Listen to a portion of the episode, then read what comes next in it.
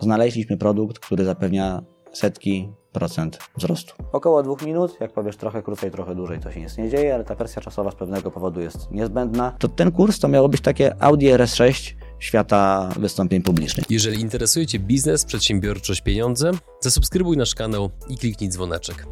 Partnerami przygód przedsiębiorców są IBCCS Tax, spółki zagraniczne, ochrona majątku, podatki międzynarodowe, Fullbacks, kompleksowa obsługa importu z Chin oraz pomoc na każdym jego etapie, Fit Group, nowoczesne kamienice gwarancją przyszłości.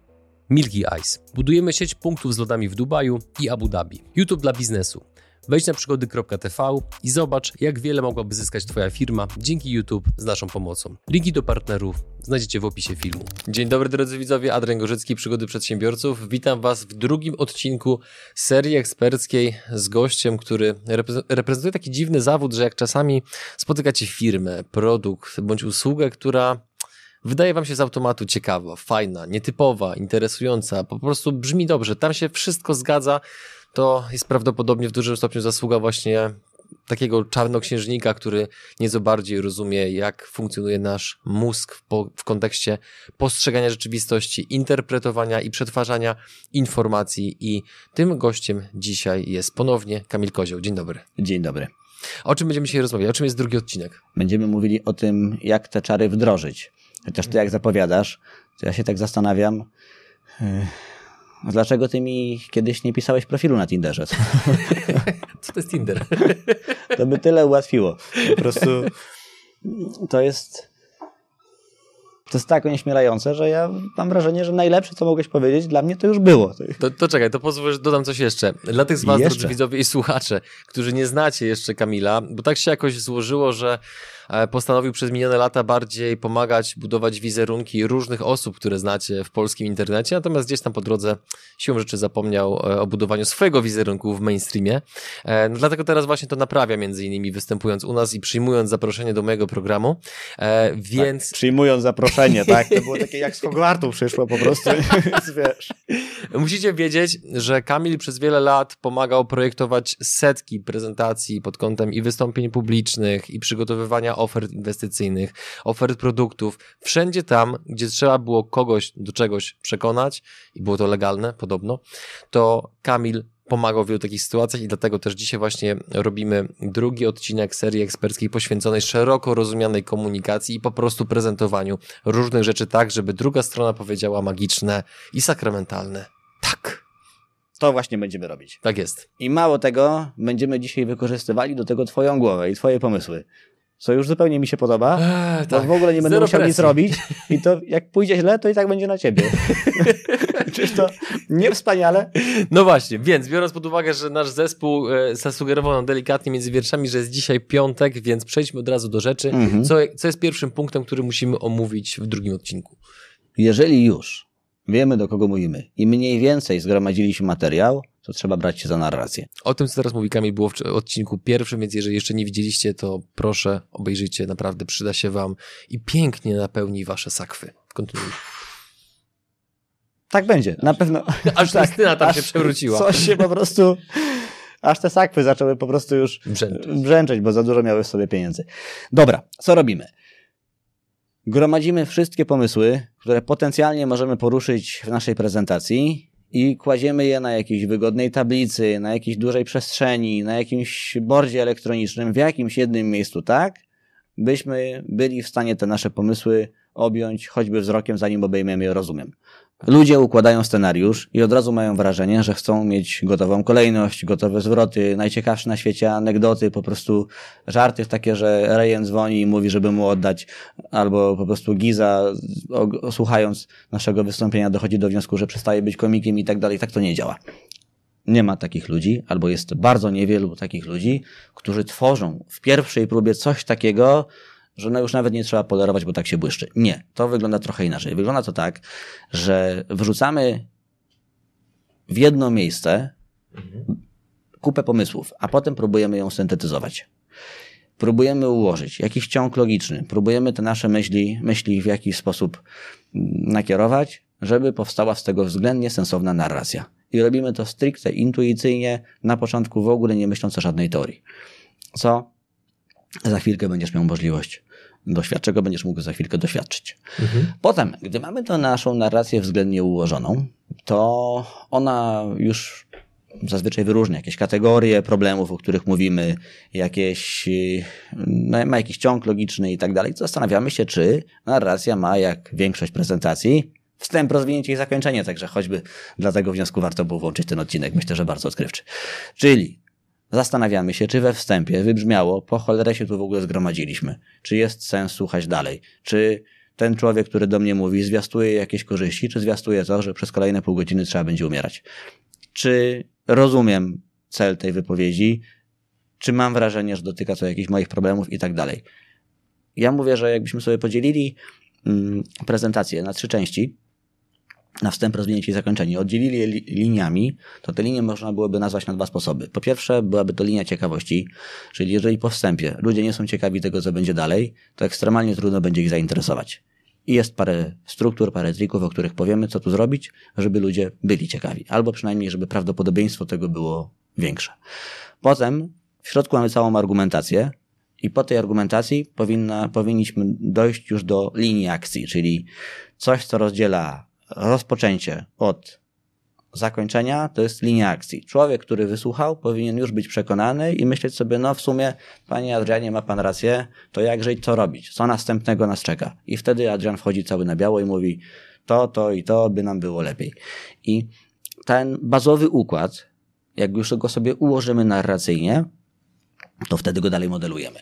Czyli na przykład myślimy, czy da się coś powiedzieć prościej. Skoro się da, to może warto. Może nie ma sensu zmuszać naszych słuchaczy do myślenia, jeżeli sobie tego nie życzą. Bo w większości przypadków sobie tego nie życzą.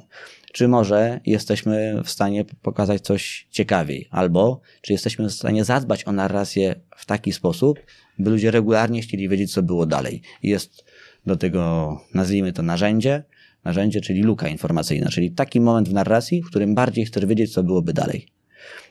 Przykładów takich luk informacyjnych można byłoby znaleźć sporo.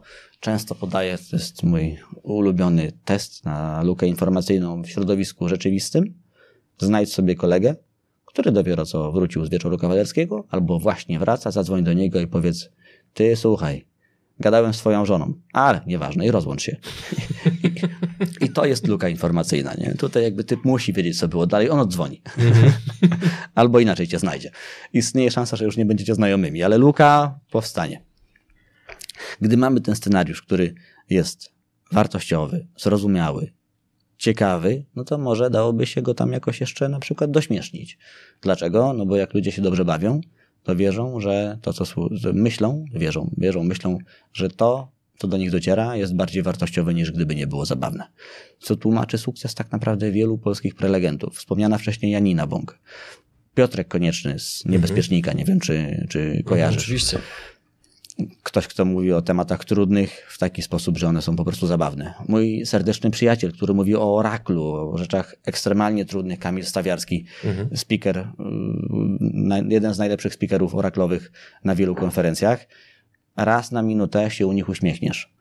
Zresztą najpopularniejsze chyba polskie wystąpienie TEDowe, czy TEDxowe, Jacek Walkiewicz, gdyby wyciąć śmiech, to naprawdę by się nie rozniosło. Dzięki temu, że ludzie się śmiali, dzięki temu to było lepiej odbierane. I tego typu elementów jest mnóstwo, podchodzimy do nich tak. Układamy najpierw jakikolwiek scenariusz, a potem otrzymujemy jeden z dwóch wyników. Albo jest już gotowy, no to wspaniale, albo inny fragment nie jest gotowy, tylko wymaga poprawki, to go poprawiamy. Mhm. I powtarzamy tę czynność, aż nie ma co poprawiać. Proste, nie? Mhm. Tak się tak, przynajmniej wydaje. Tak wyglądają założenia. Mhm. Więc w zasadzie od tego można byłoby wyjść i patrzę na ciebie i nie uwierzysz, co ja widzę. Już chciałem powiedzieć coś głupiego, ale się powstrzymam. Co widzisz, Kamilu? Widzę tę przemożną chęć wykonania ćwiczenia. Mhm, po prostu bardzo. widzę, że tak się wyrywasz, że ja nie mogę hamować tego entuzjazmu. W związku z czym proponuję, żebyśmy wyjaśnili na przykładzie, jak ułożyć względnie szybko, względnie sensowny scenariusz. Może być? Mhm, jak najbardziej. Dobra. Wykorzystamy do tego najlepsze możliwe narzędzie. Nie będzie to PowerPoint, Keynote, ani żaden inny Note. Ale będzie ono rodem z Doliny Krzemowej. Używane prawdopodobnie w najbardziej zaawansowanych korporacjach technologicznych, myślę takich jak SpaceX, Tesla i tak dalej. Dokładnie tak. I będzie to flipchart. Dokładnie. Jedziemy. Adrianie, mój drogi, przygotujesz prezentację. Do tego celu. Nie wiem, czy dam radę. Ja też nie, ale zaryzykujemy, bo nie ma nikogo innego. Więc tak, do tego celu dostaniesz najbardziej innowacyjne narzędzie, czyli karteczki elektrostatyczne, z zupełnie przypadkowej firmy. Tak akurat miałem pod ręką. Proszę bardzo, to, Dziękuję. Już, to już Twoje, a także prawie że ekologiczny długopis. Dziękuję. Co trzeba zrobić? Wybierz temat prezentacji. E, nie chciałbym tym razem mówić o YouTubie. Chciałbym mówić o lodach, niezależnie jak dziwnie to brzmi, a Mhm. mianowicie zostaliśmy udziałowcami e, spółki dubajskiej, która sprzedaje lody na Bliskim Wschodzie. Mhm. E, I z racji tego, że ten biznes nam rośnie bardzo szybko, to chciałbym, żeby to była prezentacja zachęcająca na przykład inwestorów do zainwestowania w nasz biznes. Dobra, czyli będziesz jeździł po ludziach, którzy mają kupę pieniędzy Mhm. i będziesz chciał, żeby tam ci kopsnęli drobne parę milionów, tak? No, mniej więcej tak. Fe- Fenomenalnie. Mhm. Czyli musisz im wyjaśnić, dlaczego jak tam włożą milion złotych, to dostaną 10, nawet nie będą wiedzieli kiedy. Mniej więcej tak. Super. Dobra, to twoje pierwsze zadanie Mhm. brzmi tak. Przez 3 minuty zrób sobie tak zwaną larwę kreatywną, czyli zapisz wszystkie rzeczy na kartkach, jeden pomysł, jedna kartka, które potencjalnie mógłbyś poruszyć. Okej. Niech to nie będzie miliard kartek, niech to będzie, nie wiem, z 10-15 kartek, Aha. takich na razie ogólnych. Pisz capslockiem, Mhm. dużym krojem pisma i tak, żebyś był potem w stanie to Mhm. odczytać. Proste? Proste. Trzy minuty dla Ciebie. Dobra.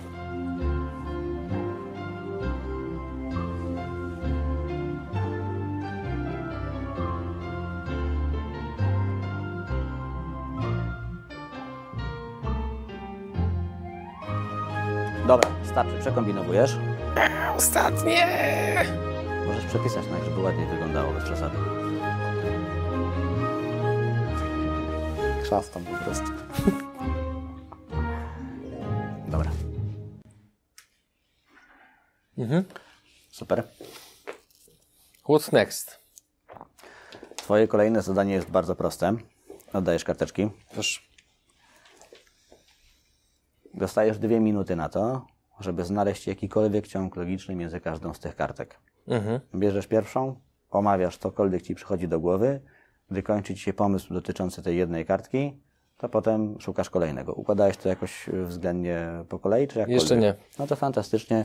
Tu pomieszam, żeby ci za bardzo się nic nie zbędnie nie kojarzyło. Mhm. Wybierasz pierwszą kartkę, o której chcesz mówić. Mhm. Mówisz, ile potrafisz, Mhm. a potem kolejna, którą, którą pasuje. Tworzysz ciąg logiczny. Okej. Jakikolwiek ciąg logiczny. Nie super ciąg logiczny, Dobrze. tylko taki, który jest lepszy niż ten, który jest teraz, czyli każdy będzie lepszy niż ten, który jest teraz. Mhm. Przez dwie minuty po prostu mówisz. Dobrze. Jak się pomylisz, to się nie przejmujesz, otwierasz nowy wątek. Mhm. Generalnie masz przez dwie minuty syntetyzować tyle, ile się da, w miarę możliwości wszystkie kartki. Jeżeli będziesz mówił trochę dłużej, no to ci nie będę przerywał, no ale jak będziesz mówił pół godziny, no to nie. Mhm. Dobra. Gotowy? Okej. Totalny przypadek sprawił, że znaleźliśmy się na e, Expo 2020 w Dubaju e, w trakcie pandemii, gdzie gastronomia w Polsce krwawiła. E, I w pewnym momencie pojawił się po- pomysł tego, aby na naszym stanowisku gastronomicznym były sprzedawane lody, które się okazały takim hitem, że nawet Shake oraz rodzina królewska zaczęli te, po te lody na Expo przyjeżdżać, aż zażyczyli sobie, że chcą mieć swoją maszynę, a teraz będą chcieli mieć sześć maszyn we wszystkich swoich rezydencjach. To, że kiedy się Shake tym zainteresował, to spowodowało taki wystrzał popularności, że sprzedaliśmy grubo ponad 100 tysięcy lodów przez e, kilka miesięcy i to z automatu e, spowodowało, że zaczęliśmy zadawać sobie pytanie, e, co by było, gdybyśmy po prostu z tego wyskalowali biznes na znacznie większą skalę, ponieważ w przeciwieństwie do tradycyjnej gastronomii i różnych modeli biznesowych, ten biznes jest w pewnym stopniu prosty, jeżeli masz do tego odpowiednie elementy, co jest w sumie trochę truizmem dla wielu, dla, wielu biznesów. No i z racji tego, że wspólnikami są ludzie, którzy już swoje mniej więcej zarobili i to nie kierują się tylko i wyłącznie pieniędzmi, ale przede wszystkim ambicjami, żeby to wyskalować jak najbardziej, ponieważ, tu przechodzimy do kolejnego punktu, jednym z potencjalnych punktów odniesienia jest firma, która ma 8 tysięcy punktów sprzedaży na całym świecie, E, A też dodatkowym elementem, który nas skłaniał do tego, żeby w tym kierunku iść, jest to, że na tym biznesie są setki procent e, marży.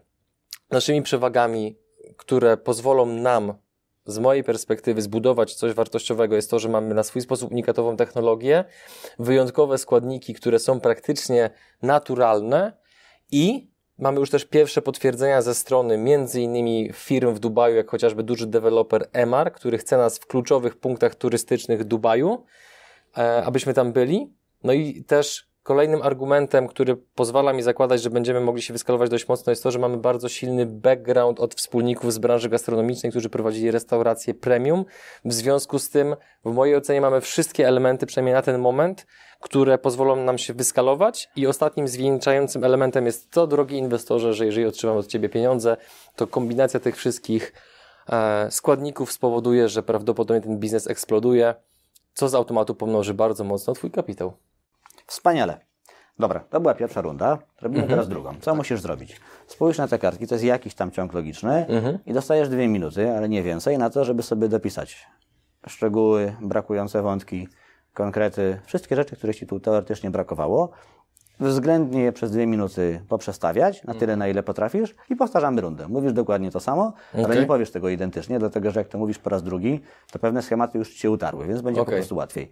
Znowu oddaję Ci te karteczki, Aha. zupełnie przypadkowo te, tej firmy Aha. i bardzo proszę, dwie minuty dla Ciebie okay. na Czyli robię teraz korekty. Rzeczy. Tak, teraz po prostu dwie minuty korygujesz, tyle ile potrafisz. Mhm. Dobra.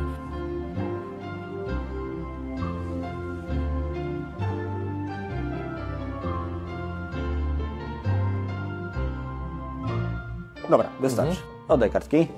Mhm. Kolejna runda. Robisz dokładnie to samo, czyli powtarzasz to, co tu powiedziałeś. Jeżeli ci pasuje, zmieniasz kolejność dodajesz jakieś nowe wątki, próbujesz po prostu sobie to ułożyć mhm. jeszcze raz. Jasne. Około dwóch minut, jak powiesz trochę krócej, trochę dłużej, to się nic nie dzieje, ale ta presja czasowa z pewnego powodu jest niezbędna, Aha. z jakiego to powiem później. Okej. Okay. Gotowy? Dobra. I trzy, i dwa, i jeden. Dobra, więc totalnym przypadkiem pojawiliśmy się na Expo 2020 w Dubaju, na polskim pawilonie, gdzie początkowo miała być tylko restauracja, ale w pewnym momencie pojawiła się również maszyna do lodów z wysokiej jakości składnikami, o czym za chwilę. Lody okazały się ogromnym hitem. Z tego powodu, że ponieważ zainteresowała się nimi między innymi rodzina królewska i nawet osobiście szejk niejednokrotnie na naszym pawilonie, na naszym stoisku był po to, żeby zjeść naszego loda, aż zażyczyli sobie, że chcą mieć te maszyny u siebie w pałacu. Kiedy na Bliskim Wschodzie jest tak, że szejk zaczyna używać jakiegoś produktu, to to z automatu powoduje gigantyczną popularność tego produktu, co spowodowało, że przez Expo sprzedaliśmy grubo ponad 100 tysięcy lodów. No i teraz pojawiło się bardzo ważne pytanie. Czy poza Expo również będziemy w stanie sprzedawać podobne liczby. I dlatego też, mm, pomimo tego, że w mm, Dubaju, w Abu Dhabi trwa od miesiąca Ramadan i tam sprzedajemy lody tylko i wyłącznie przez 3 godziny dziennie do tego wieczorem, to liczba sprzedawanych lodów wbrew pozorom nie spadła aż tak bardzo, jak nam mogłoby się wydawać. I też dzięki temu dostaliśmy bardzo silny sygnał, że może warto tym biznesem zainteresować się jeszcze bardziej. To, co przykuło nas szczególnie, zarówno ze strony przygód przedsiębiorców, którzy są udziałowcami, jak i e, m, mm, chłopaków z Larosy i generalnie z firmy Synko, która jest drugim udziałowcem Milky Ice, to zakochaliśmy się w prostocie tego biznesu, no bo jak bardzo może być skomplikowane wyprodukowanie loda. Kolejnym sygnałem, który nas w tym utwierdził, było to, że zainteresował się nami Emar, czyli potężny deweloper na Bliskim Wschodzie, który jest między innymi właścicielem Burj Khalifa, o którym każdy z Was słyszał. I Emar zaproponował nam dostęp do szeregu różnych kluczowych punktów turystycznych, gdzie jest masa ludzi praktycznie przez cały rok. Analizując to, czy chcemy w ten projekt wejść, czy też nie, zauważyliśmy, że pozostałymi wspólnikami są osoby, które zarobiły już swoje pieniądze, więc dla nich podejście do tego projektu jest takie, że oni podchodzą ambicjonalnie na zasadzie, jak wysoko możemy się wspiąć. A jak wysoko możemy się wspiąć? E, traktujemy jako punkt odniesienia to, że jeden z naszych potencjalnych konkurentów w tej branży ma 8 tysięcy punktów na świecie, więc jest to całkiem ciekawa, ciekawa liczba, do której można dążyć. Kolejnym argumentem jest fakt, że na lodach są setki procent, jeżeli chodzi o marże, co jest niespotykane generalnie w większości e, firm, przedsiębiorstw, branż. Naszymi przewagami, między innymi, o które bardzo często pytają potencjalni inwestorzy, jest to, że mamy technologię, która umożliwia mrożenie lodów na znacznie głębszym poziomie, co sprawia i jest bardzo istotne na Bliskim Wschodzie, gdzie są wysokie temperatury, że ten lód po prostu bardzo powoli się topi. Drugi element, w którym się zakochali ludzie jest to, że jest niesamowicie kremowa i mleczna konsystencja, która wynika z tego, że kupujemy najdroższe możliwe proszki na rynku, których, których między innymi jest naturalne sproszkowane mleko oraz szereg innych składników, które sprawiają, że lód po prostu jest znakomity. Nad jakością tego produktu z mojej perspektywy między innymi czuwają oczywiście nasi wspólnicy, którzy mają bardzo silny background e, gastronomiczny, prowadząc restaurację premium, więc ich dusza by po prostu cierpiała katusze, jeżeli mieliby sprzedawać, mówiąc bardzo elegancko, pasując do krawata, syf.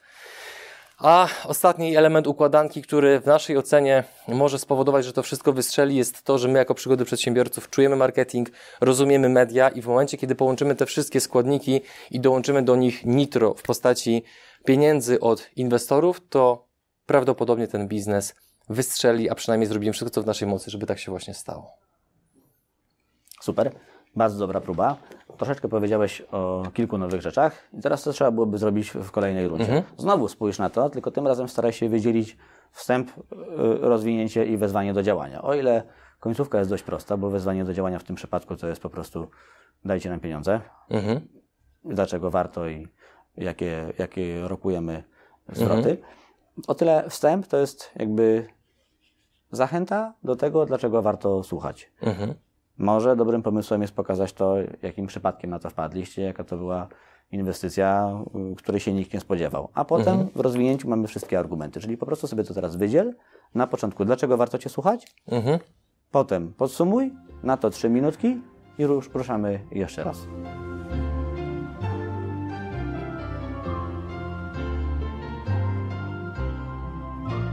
No i wspaniale. Kolejna runda. Aha. Kolejna runda, czyli już kolejna wersja prezentacji. Tak jakbyś mówił do inwestora. Mhm. Mniej więcej dwie minuty. Jak będziesz potrzebował więcej, to nie ma dużego znaczenia. Po prostu Aha. ważna Ćwiczymy jest teraz. presja czasowa. Tak? Ważna Jasne. jest jakaś presja czasowa, bo gdy jej nie ma, to człowiek zaczyna się e, hamować, wracać, zastanawiać. Na tym Aha. etapie tworzenia narracji to nas w ogóle nie interesuje. Okay. Chodzi nam o to, żeby zrobić cokolwiek, okay. z czego będzie dało się potem zrobić coś ciekawszego. Gotowy? Mhm. Tak jest. Scena jest Twoja. Totalnym przypadkiem odkryliśmy produkt, który daje realną stopę kilkuset procent na każdej sprzedaży. I tym produktem są jakże zaawansowane lody. Lody, które okazały się hitem Expo 220 w Dubaju, gdzie były tak popularne, że sprzedaliśmy ich ponad 100 tysięcy sztuk, grubo ponad 100 tysięcy sztuk.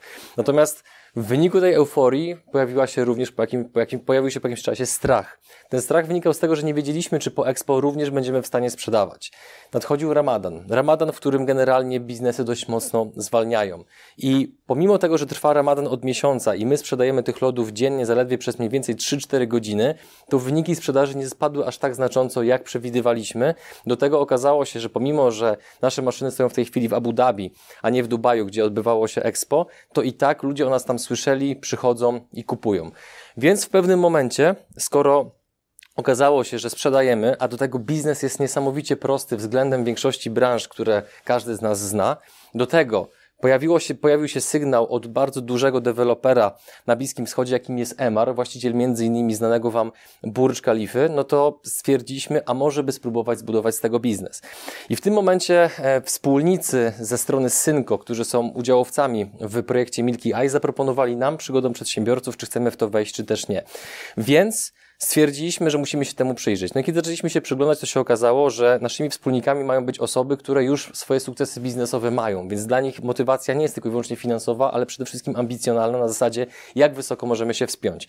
Jak wysoko możemy się wspiąć? Przyjęliśmy jako punkt odniesienia to, że jeden z naszych konkurentów ma na, całym, na całym świecie 8 tysięcy punktów sprzedaży, gdzie nawet gdybyśmy mieli zaledwie chociażby 1% nawet tej wielkości, to już będzie naprawdę, naprawdę mocno.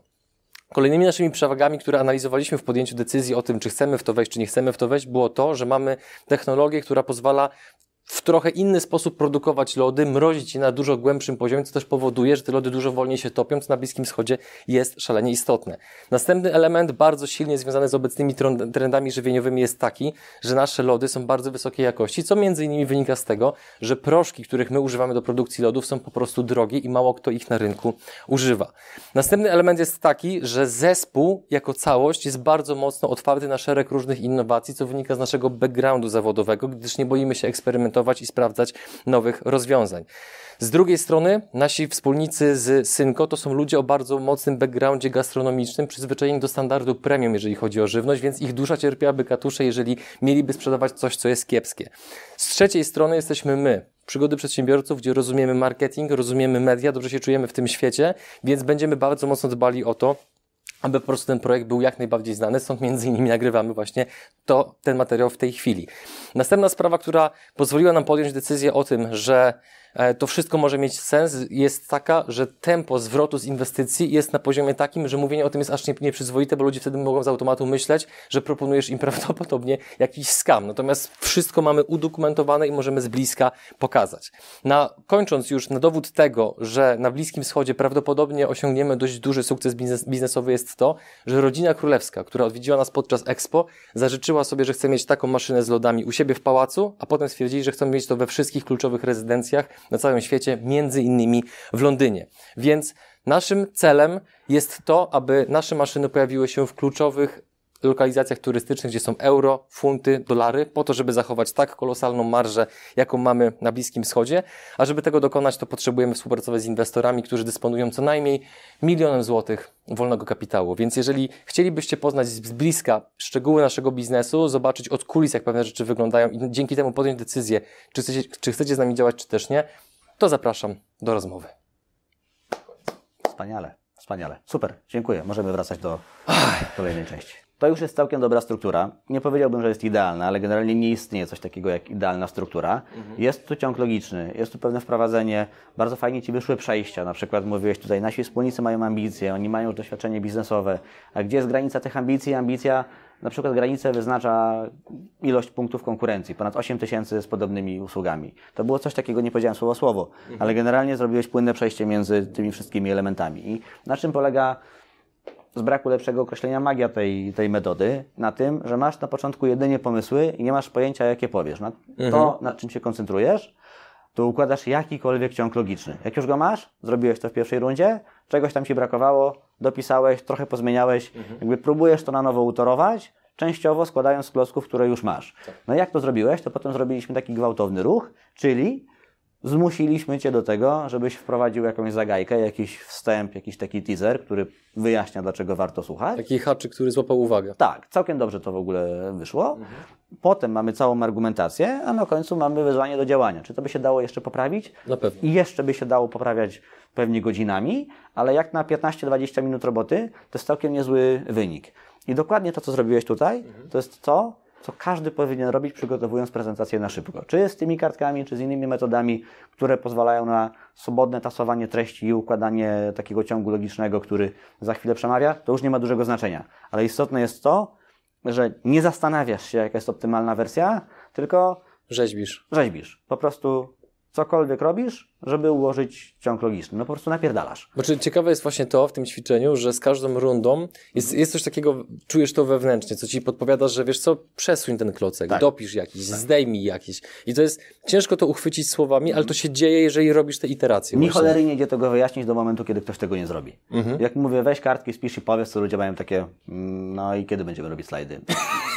po prostu zupełnie normalna reakcja i wiem dlaczego tak jest, bo do momentu, do którego, do, do którego tego nie zrobisz, to nie czujesz tego takiego wzmożonego wysiłku intelektualnego. Tak. Jak ja robię to z nowymi prezentacjami, to mam czasem wrażenie, że tego dnia po raz pierwszy myślę w ogóle. Że to jest takie zmuszenie neuronów do wysiłku, że dopiero potem się okazuje, mhm. że to ma jakiś tam sens. Plus, jak mówisz pod presją czasową, tak. to się nie zatrzymujesz. Bo jak nie masz tej presji, byś się zastanawiał, czy jest sens, czy nie nie chodzi o to, żeby to były dwie minuty, czy tam, wiesz, trzy, czy ileś, ale chodzi o to, żebyś miał tykający zegar, żebyś się zmusił do ciągłego wysiłku. Super. Żeby, żeby był deadline, o którym tak. mówiłeś. Gdybyśmy teraz mogli zrobić pewien slajd na tym, co mówimy, który za chwilkę się pewnie pokaże, mhm. to byśmy widzieli, w którym miejscu w procesie jesteśmy. Ta narracja jest już względnie wartościowa, mhm. względnie logiczna i jeszcze nie wiem, czy jest pasjonująca na razie. Nie wiem, czy jest mhm. ciekawa. Dla wielu na tym etapie nie tak zdolnych jak ty, nie tak elokwentnych, nie tak ogranych z kamerą i nie rzucających porównań równie na poczekaniu, co y, żule kiepy na przystanku. To ty oczywiście radzisz sobie z tym trochę lepiej. Ale normalnie ludzie na tym etapie będą mieli wrażenie, że niby logiczne, niby wartościowe, ale trochę nudne. To co trzeba zrobić z narracją, żeby przestała być nudna? Odnudnić. I o tym będziemy gadać. Odnudnić. Tak. Idziemy dalej.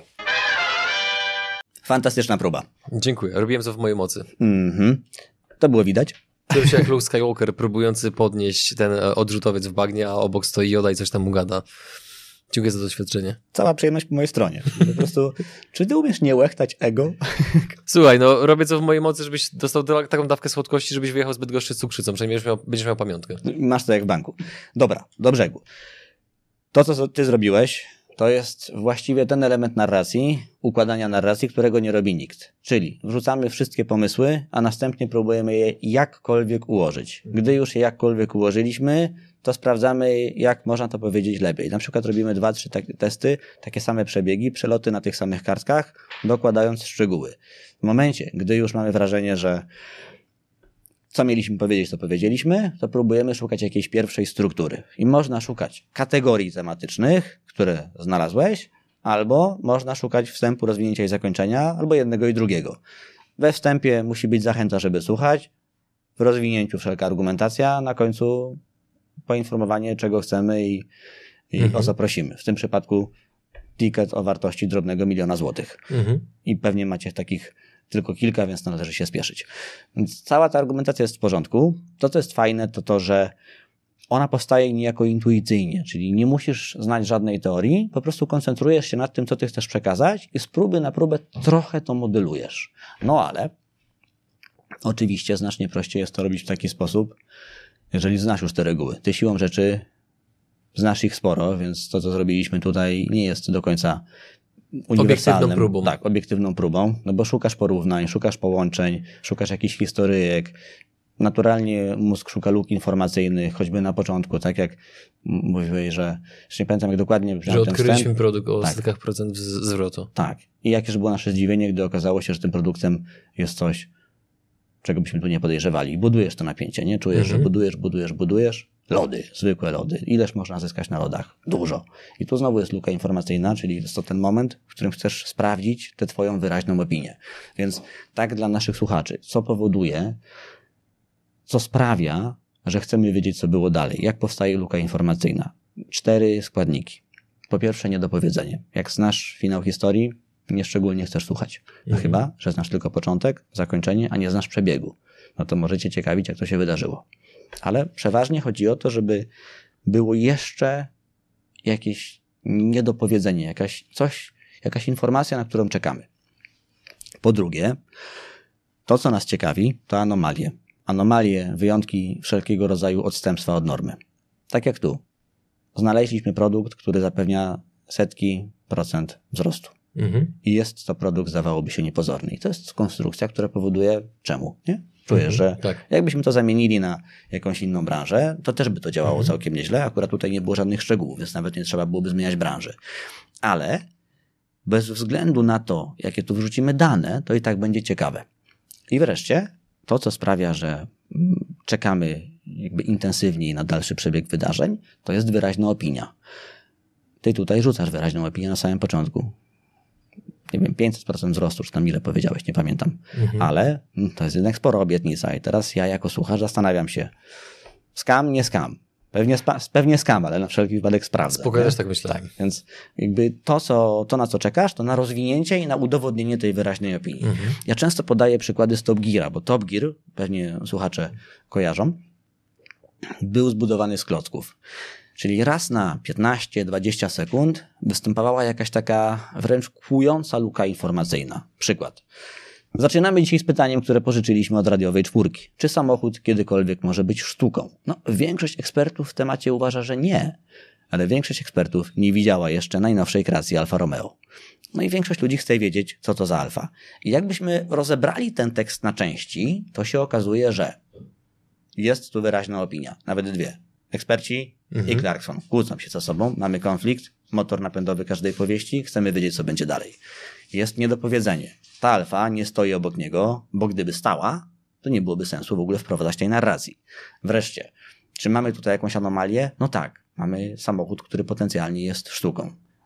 Dalej, czy jest to wyjątek? To też jest wyjątek od reguły. Te cztery kółka świecą się tutaj tak intensywnie, że człowiek po prostu musi wiedzieć, co było dalej.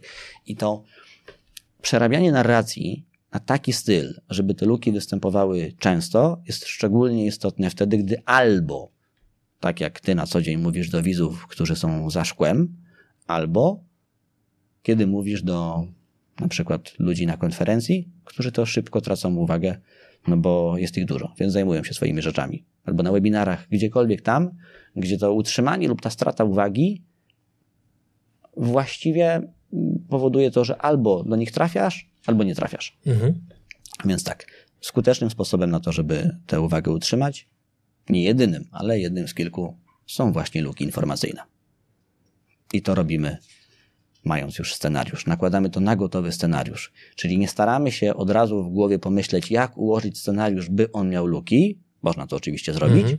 ale 100 razy prościej jest zrobić jego pierwszą wersję, a potem pomodelować, popoprawiać. O, może tu. Gdzie jest jakaś taka rzecz, która jest odstępstwem od normy? O tu. No to mhm. zaanonsujmy ją. I rozumiem, że czy można przesadzić z liczbą luk informacyjnych? Wiesz co, być może można, mhm. ale luka informacyjna zazwyczaj niesie za sobą jakąś wartość. W związku z czym, jeżeli ta wartość, którą anonsujesz, naprawdę tam jest, mhm. to raczej ludzie nie będą na to marudzili. W sensie, ja naprawdę y, często dostaję to pytanie, czy można przesadzić z ilością żartów. Takimi ozdobnikami. Tak, tak. Albo tak, z, z, liczbą, z liczbą żartów, pewnie gramarnazy już nas punktują. Mhm. Mm, z liczbą żartów albo, albo z y, liczbą luk informacyjnych.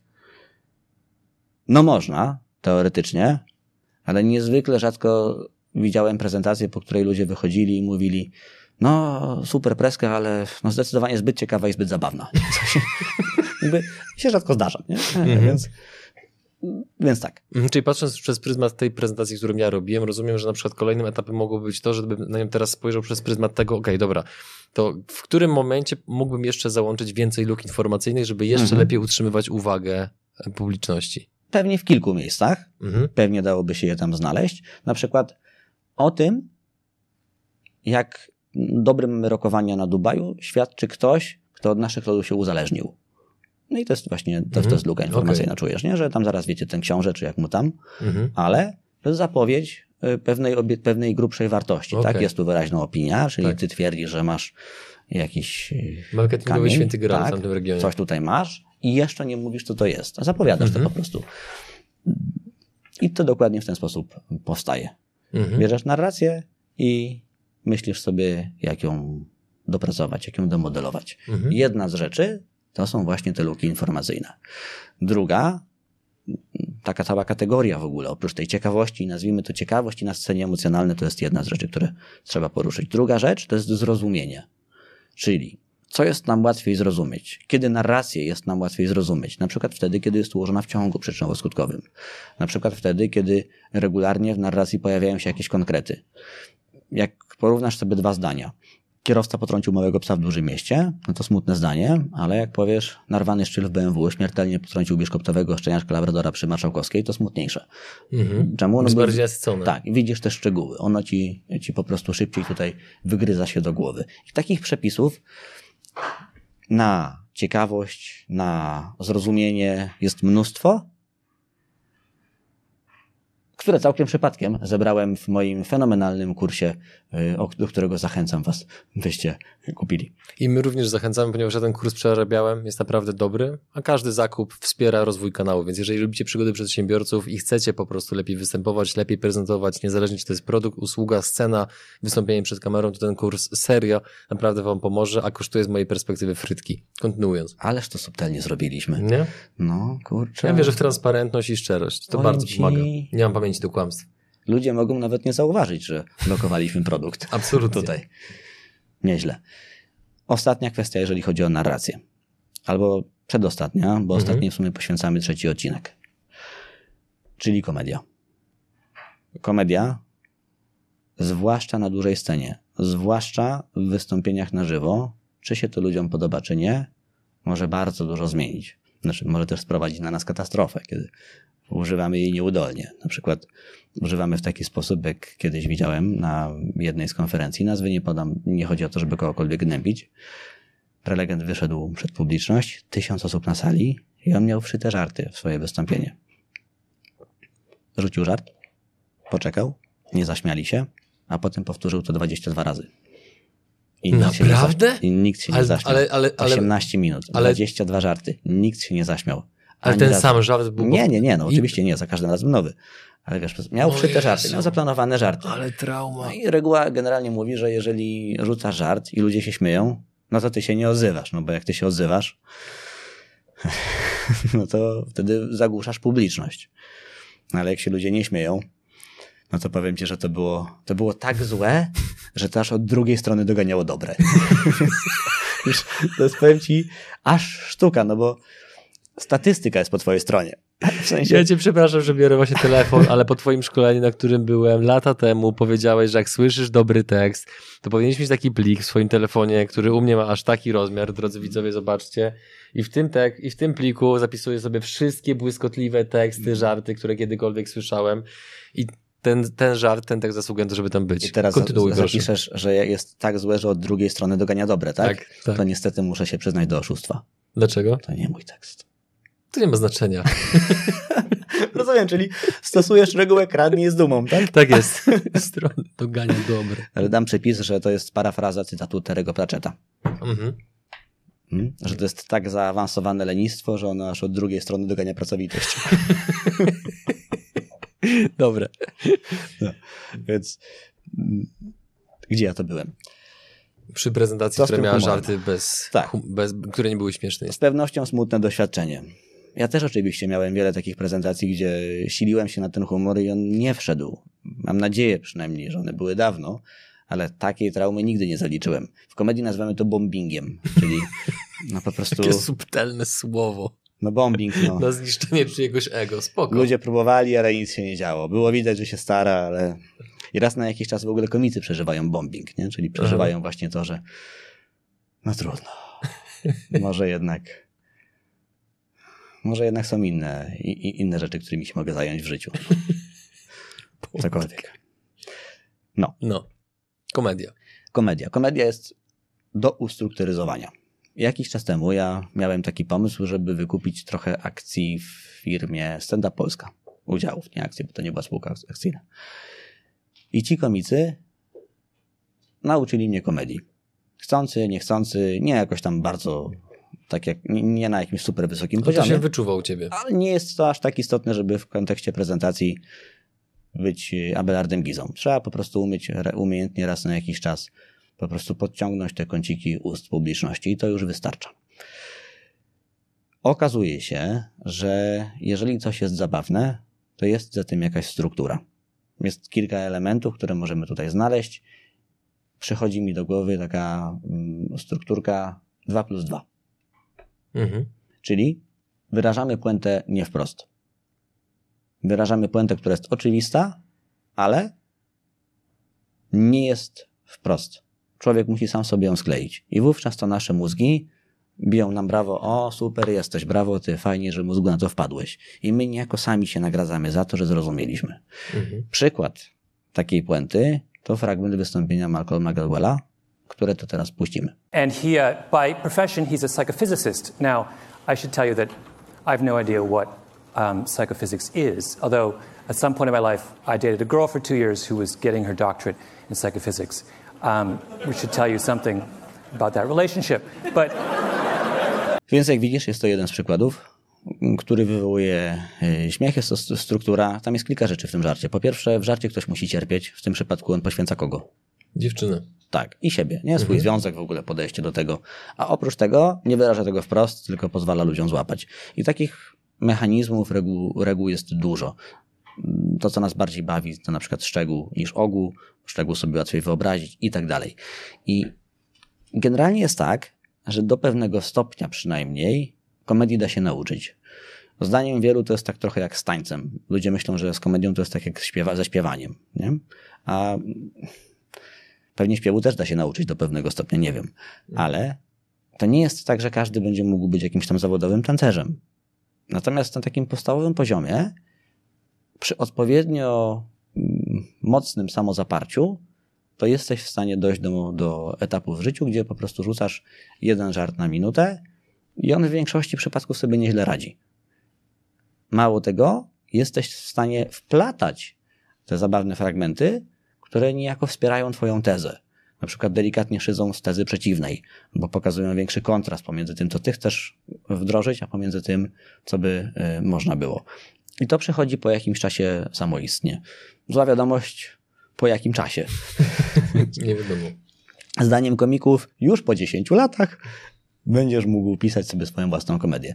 Ale w praktyce nawet takie beztalencia jak ja zaczęły pisać swoje całkiem przyzwoite żarty tak po roku, półtora, po, po, po, po dwóch latach powiedzmy. No, mhm. Rok, półtora, dwa lata to są takie, to jest taki czas, że uczysz się tego dość intensywnie i mhm. przestaje być to przypadkiem. Nie? Przestaje być to udało mi się, tylko mniej więcej wiesz, czego szukasz. Natomiast też zaznaczmy, to nie jest odcinek czasu, który jest de facto wymagany i konieczny do poświęcenia, żeby w ogóle jakkolwiek występować ciekawie. Nie, nie, absolutnie nie. Mhm. Ale jeżeli spojrzymy na wierchuszkę branżowych prelegentów, weźmy nawet marketingowych, którzy uchodzą za lepszych prelegentów scenicznie niż inne branże, no bo siłą rzeczy formą muszą ugrywać trochę więcej, to jest tak, że tam ta komedia odgrywa sporą rolę. Mhm. Paweł Tkaczyk, wiesz, człowiek, który żyje z opowiadania historii, jak to samo sobie mówi, w każdym wystąpieniu ma jakiś zabawny fragment. Piotrek Błyski, mój e, odpowiednik, robi właściwie to samo co ja. Również ma dużo zabawnych fragmentów. Janina, Jakub Biel, ale zmieniając branżę też. Wspomniany wcześniej Piotrek Konieczny yy, też jest w branży mm, prawniczej.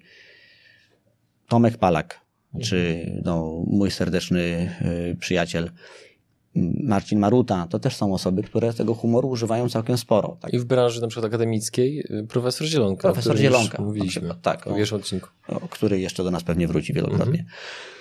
Także to nie jest tak, że trzeba. Znaczy na pewno nie należy się silić na żarty, jeżeli się tego nie czuje. Ale nie należy podchodzić do tego w ten sposób. A, ja nie umiem, to nie będę używał. No, no tak jakbym podszedł do Excela, zobaczył go po raz pierwszy i stwierdził, a ja nie umiem, to nie będę używał no nie muszę tego robić, ale jednak trochę prościej kontrolować budżet domowy. Nie? I, I, na tej samej zasadzie pewnych rzeczy po prostu się idzie na, nauczyć. Cała narracja, nie wiem czy w ogóle jako jest cała, jaką znamy, ale większość tego, co nam się podoba, jest ciekawe, zrozumiałe lub zabawne z jakiegoś powodu. Jest za tym jakaś technika.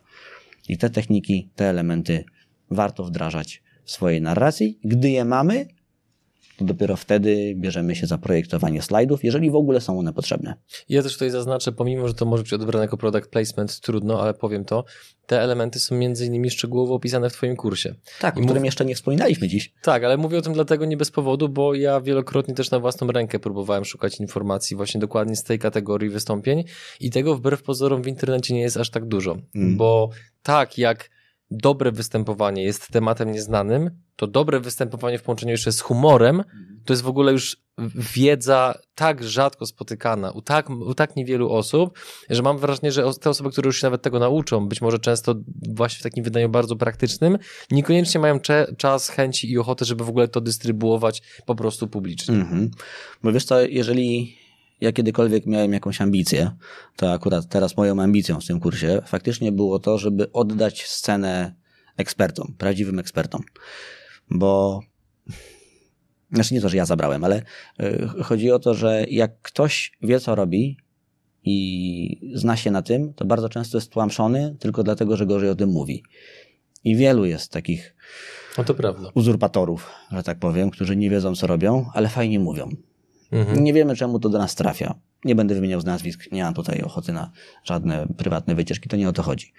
Natomiast ja przygotowując ten kurs, chciałem zrobić to, co na przykład y, zrobiliśmy z wystąpieniem Róży Hajkuś. Nie wiem, czy to jest znane wystąpienie, czy nie, ale ono się całkiem nieźle rozniosło po internecie. Czyli wystąpienie, które, którym ona poruszała ważny temat społeczny.